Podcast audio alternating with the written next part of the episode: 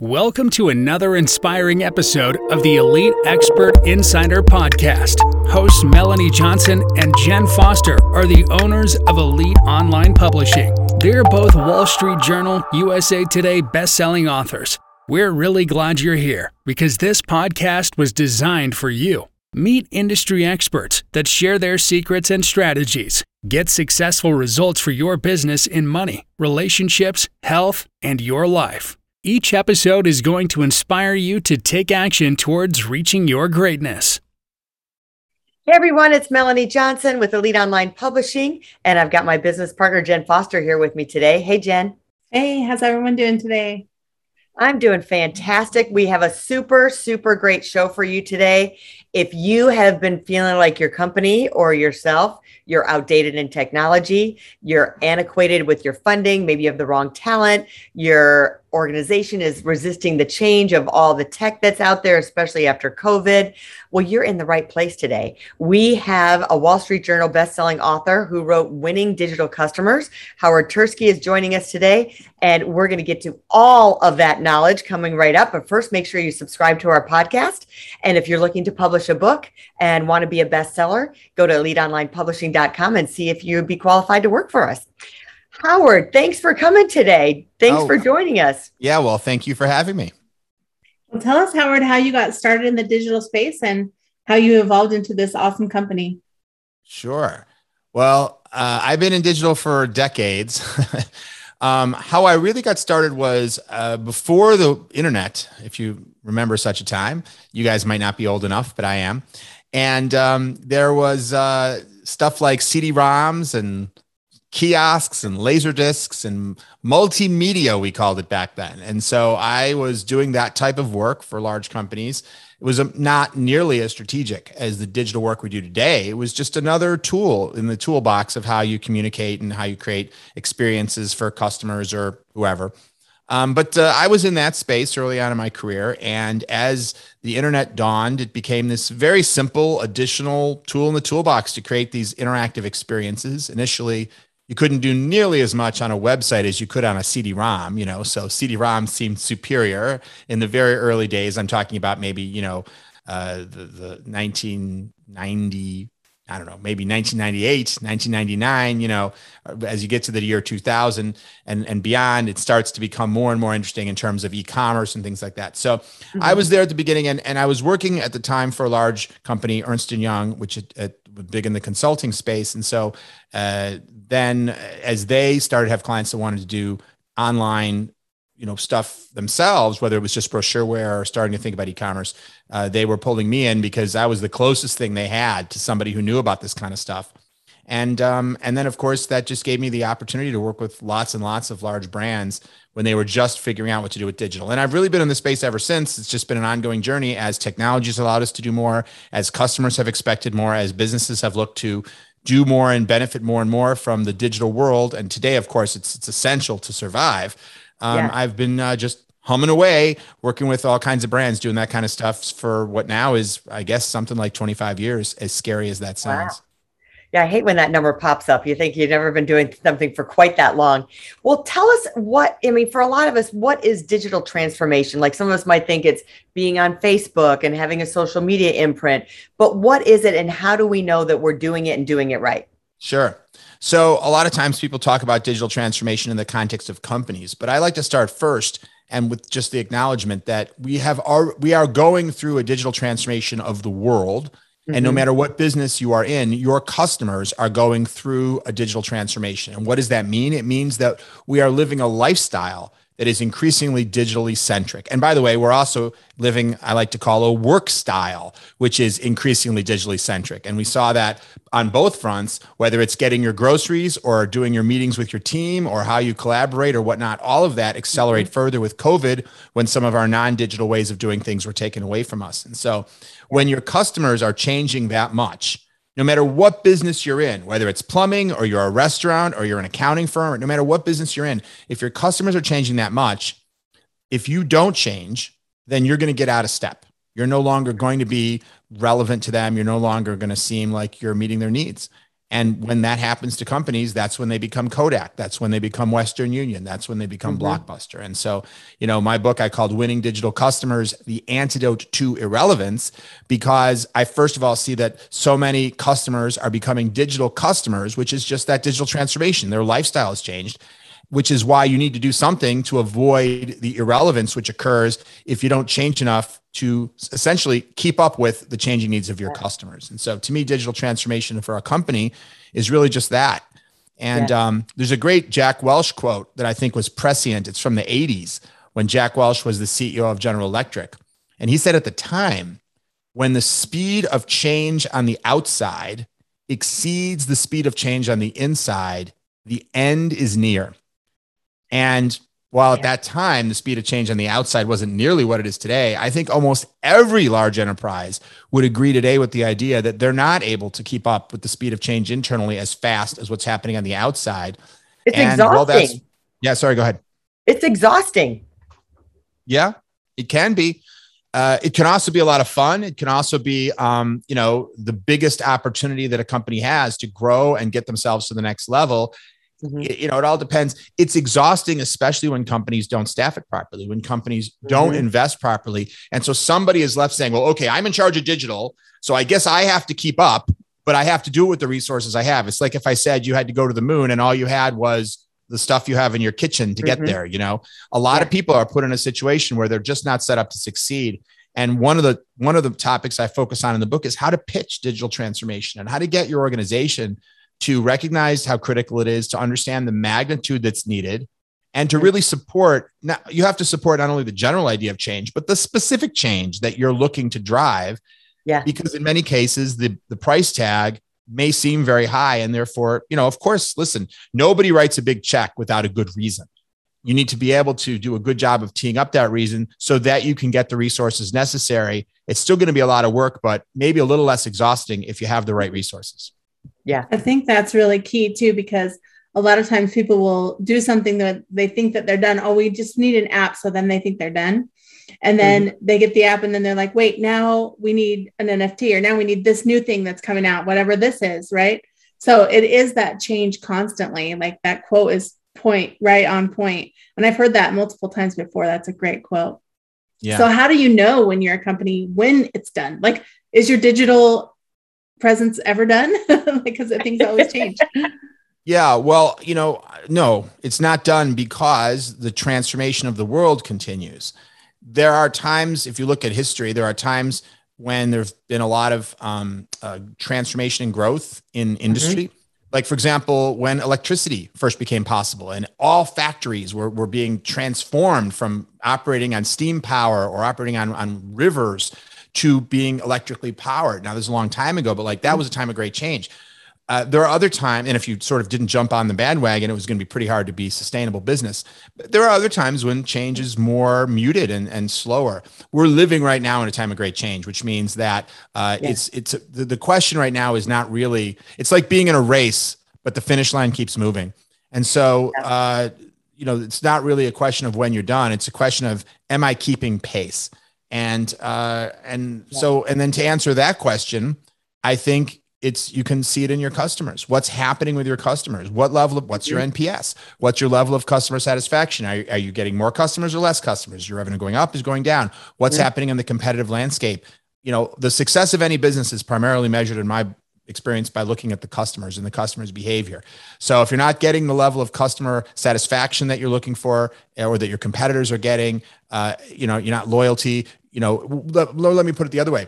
When you are doing it right, you've got customers saying, I prefer you to other brands. I'm willing to pay a little bit more than other brands. I appreciate you more than other brands. I have a warm, positive feeling towards you. And these are all things you can measure with research. Yep. So you talk about mapping and thinking and designing it out. Um, is that like the first step? You have a five step methodology. Is that part of the methodology to figure out how you should do it? Yes, but that was a trick question because no, that's not the first step. that's the second step. um, no, so the first step is understand your customer. Um, mm-hmm. You know, as I was saying a moment ago, so much of business success is about driving customer behavior. So, mm-hmm. you know, if you wanted to sell me something, if you just start talking with your sales pitch without knowing anything about me, you know, you'd have to get kind of lucky to be able to sell me on something, probably. Yeah. Uh, you know, on the other hand, you know, if you you want to be effective, not just at selling something, but building a great relationship with a customer, the more you understand about them, the more you're going to be able to tailor your marketing, your products, your services, everything to really meet their needs. You know, if the goal is to meet and exceed your customers' needs and you don't know what they are, then you're really, you know, you're battling at windmills. And most companies, I estimate, and I've worked with, you know, scores of companies, I would estimate that most companies understand their customers at about 50 to 60% level. You know, mm-hmm. of course, they're not completely clueless about their customers. They interact with their customers all the time. But do the people who interact with their customers every day, all day long, are they the ones making the decisions about the marketing campaigns and the products and whatnot? Or are they at the home office, you know, only once in a yeah. while going out and meeting a customer. And that's usually the case. And so a lot of what we do at my company is work with our clients to do different types of research, ethnography, surveys, interviews, and other things to make sure we really, I'm looking at data, of course, make sure we really understand, have our finger on the pulse of what the customer is thinking. What are their hopes and dreams? What are their fears? Yeah. Why do they buy from you when they do? Why do they choose not to buy from you when they don't? What is their genuine level of satisfaction along the course of purchasing? What are the scenarios in which they're most satisfied and least satisfied? When you start to understand those things, it becomes a lot easier to figure out, well, how should we improve the process? How should we improve the journey? How should we improve the product? Man, you you nailed all those questions so fast, but I'm thinking someone needs to record that, write it down. I mean, well, we recorded it, but I mean, you need to go back and listen to this again. I was going to say, I, I, hope the record button is on. yeah, we recorded, but I want, I guess what I'm telling my listeners, you need to go back and re-listen to it and write these down and ask these for your company. And sure. those are hard questions. I mean, a lot of times it's painful for us to go through and answer all those questions for our company because we don't know the answer to a lot of those. Right. Um, right.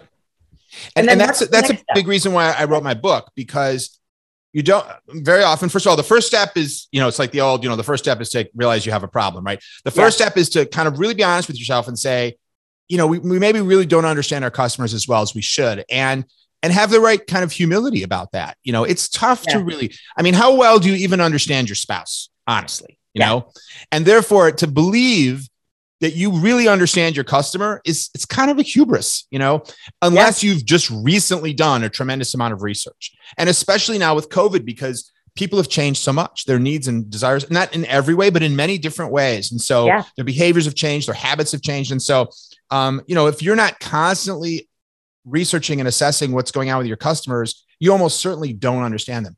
And then beyond that, when you're trying to answer the question, well, how can I understand them? Here's the good news there's like a whole science of that. You don't have to figure that out on your own. And about 25% of my book is all about how do you do that? And I go through dozens of different methods and techniques from social mm-hmm. listening to customer interviewing to surveying. And, and I give a lot of very specific tips and examples and yeah. techniques. And even you can download templates and tools. So, what I'm trying to do in this book is in part empower teams that say, we want to understand our customers better. Great. It's not just about like straining. Mm, what if I do this? Will I understand my customer better? I mean, no, no, no. There's very specific activities that you can engage in, which will give you that kind of information. And personally, I think it's fascinating. I think it's fun and interesting stuff. And then once you understand those things, it becomes so much easier to figure out what to do. Yeah. Well, I love that you say survey. Oh, sorry, Melanie. Oh, go ahead. I was just going to say, I love that you say survey because your customers change just like technology changes. So I mean, your customers are evolving with the times. And so doing those surveys and understanding what your customer needs are, and if they change, right? It might be that they do change over time. So you got to, yeah. you know, you got to make the app or you got to have a, a digital portal or you got to have something where they can get the information that they need or the tools that they need. Yeah. And surveys are a very powerful tool. We use them all the time. And two key points I'll make about them. One is you have to know how to write a survey properly because you can write a survey and the way you word the questions or the way you provide the answers can either confuse people. Mm-hmm. And then if people don't understand what they're answering or they don't understand what you're asking, imagine how useful the data is, you know, zero. Yeah. And furthermore, you can write questions in a way that lead people and encourage them to answer one way or the other. And you don't want to do that either because you want to know the truth. You're not trying to, you know, sort of uh, right. prove something. You're really trying to find what's going on. Um, and and the other thing I'd say about surveys is, you know, there's in research we often talk about qualitative research and quantitative research. So surveys generally are quantitative research. What's great is you can get to a lot of people and get a lot of numbers. X percentage of people said A, B, or C. But I like to precede that with qualitative research because then that gives you insights that you don't expect. Surveys, in other words, the qualitative research, when you just start observing customers or talking to them, can lead you to insights about things that you didn't even weren't even on your radar. And now you know what to ask about. Whereas, you know, if you just ask an open-ended question like how satisfied are you with our product? Let's say you find out 7 out of 10 people are satisfied. What are you going to do with that? You know, I mean, how can you fix the product? You know, you need to be more specific, of course. And then sometimes if you've observed a bunch of customers having different types of challenges with the product, then you know, well, is this an issue for you? Is this an issue for you? Because let's say I go out and observe 15 customers using my product, and let's mm-hmm. say three of them have a particular problem. Well, that's three out of 15. So I could calculate that and say, okay, well, you know, that's 20% or whatever it is, 25%. Well, anyway, can't do the math in my head. But, um, but you know, is that really a, representative of the whole? Um, probably not because it's a small sample size and it may be skewed. Mm-hmm. But at least I know there's an issue. And now I can do a survey with a much larger group and now find out okay of a thousand people i surveyed maybe it's only 2% that have this problem. It just over indexed in my sample or maybe it's the other way. It's even more prevalent. So that power of combining qualitative and quantitative research gives you really great both rich deep insight and then quantification. Okay so now that i know my customer i feel like i've really done my research i've done my surveys what's the next steps? Well that's when you want to start to envision what's that future state customer journey? What does it need to be and it takes the willingness to say, you know, when you have an existing business that already has processes and locations and, you know, cash registers and an app and a website and all these things, of course, the, the, the answer you'd love to hear, you think the answer you'd like to hear is, we're really close. You know, we don't have to change too much. You know, you'd really like to see that because, uh, you know, if you have to have a tra- complete change of everything, that sounds like it's going to be a lot of work. On the other hand, I guess I'd point out that if you conclude you're really close, then the upside to generating more revenue and more customer satisfaction may not be that great either. So when you realize that you have a big gap between what your ideal customer experience is and where you are, it also means you have a lot of upside potential. And so mm-hmm. the step here is to really think about if I were rebuilding this business from the ground up, based on everything I know now, without worrying about the fact that, oh my God, if we change that, we'll need a new CRM system or we have a lease on this facility. What can we do? Forget all that just say if I was building this business now, based on everything I know now for the world it is today, and as the world as I predict it to be over the next few years, how would it be? How would it work? And almost inevitably, the answer is going to be well, far more digital. Um, and so you map that out. And we like to do a storytelling form of a journey map where we break down the customer buying life cycle into stages. So maybe there's a shopping stage and there's a purchasing stage, and then there's a period where they're waiting for the product to arrive, and then they receive the product. There's a period of learning to use the product, and then a period of using the product. And then there's a point the product breaks down, and then there's a point that they have to renew, or maybe they have to buy supplies. You know, the exact set of steps is different for insurance than mm-hmm. it is mm-hmm. for an iPhone than it is for you know I don't know a new a new home. But nevertheless, usually you can define five, seven, eight, nine steps of that process, and then for each of those steps, you want to tell the story. Well, how should it really be? How should we want people to be learning about our product? How do we want them to be shopping and evaluating? And and you want to do that in the context of their needs, right? Like I might sit here and say, well, here's what I want. I want people to only know about our product always want to buy it first, never need to do any evaluation, pay any amount of money. Yeah, okay, but that's not consistent with their needs, right? The research has told us that they need to understand what the product does first. They need to know how it compares to competitors or whatever it may be. So, thinking about even in the sales process, your goal is to meet the customer's needs, the needs they have around making a decision. And then, of course, the needs they have around using your product, each of those stages. So, how can you create that in the optimal way? And that is a creative process. You do ideation, and part of what I provide in the book is different exercises for how do you bring a team of people together and get them to be at their most creative? How do you do competitive research? How do you understand the technologies that are in, out there that you might be able to use, whether that's AI or drones or 3D printing or virtual reality? We have so many tools at our disposal now. And so you know, it's hard to describe. It's hard to, you know, like give the full set of directions on a podcast, which is why I wrote a book. But it's that creative process of ultimately coming up and saying, you know what, when it's all done in the future, 18 months from now, 36 months from now, whatever it is, here's what I want to happen. The customer comes into the store, this happens, then that happens, and that happens. That's the story that I want to make real. And when you read that story, hopefully you find it inspiring hopefully you intuitively can t- feel that we're going to make more money. You know, if we could provide that kind of experience to a customer, we're going to create more preference. We're going to create less price sensitivity. They're going to want to come back. They're going to want to tell their friends. And of course, you can do research to validate that as well. You can go back to customers and, and, and lay out for them a potential future scenario and find out how it impacts their propensity to buy. Mm-hmm. And then the third feeling you might have is intimidated. You know, you might think, oh my God, you know, how are we going to get from here to there?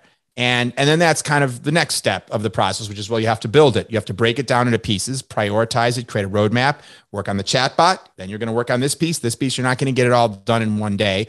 And mm-hmm. in the book, we talk a lot about the principles of design thinking, which is a set of methods to uh, help aim the design of products like apps or chatbots or even an in store experience to make sure that as you build out the details of it, you're staying aligned with what's really going to work well for the customer.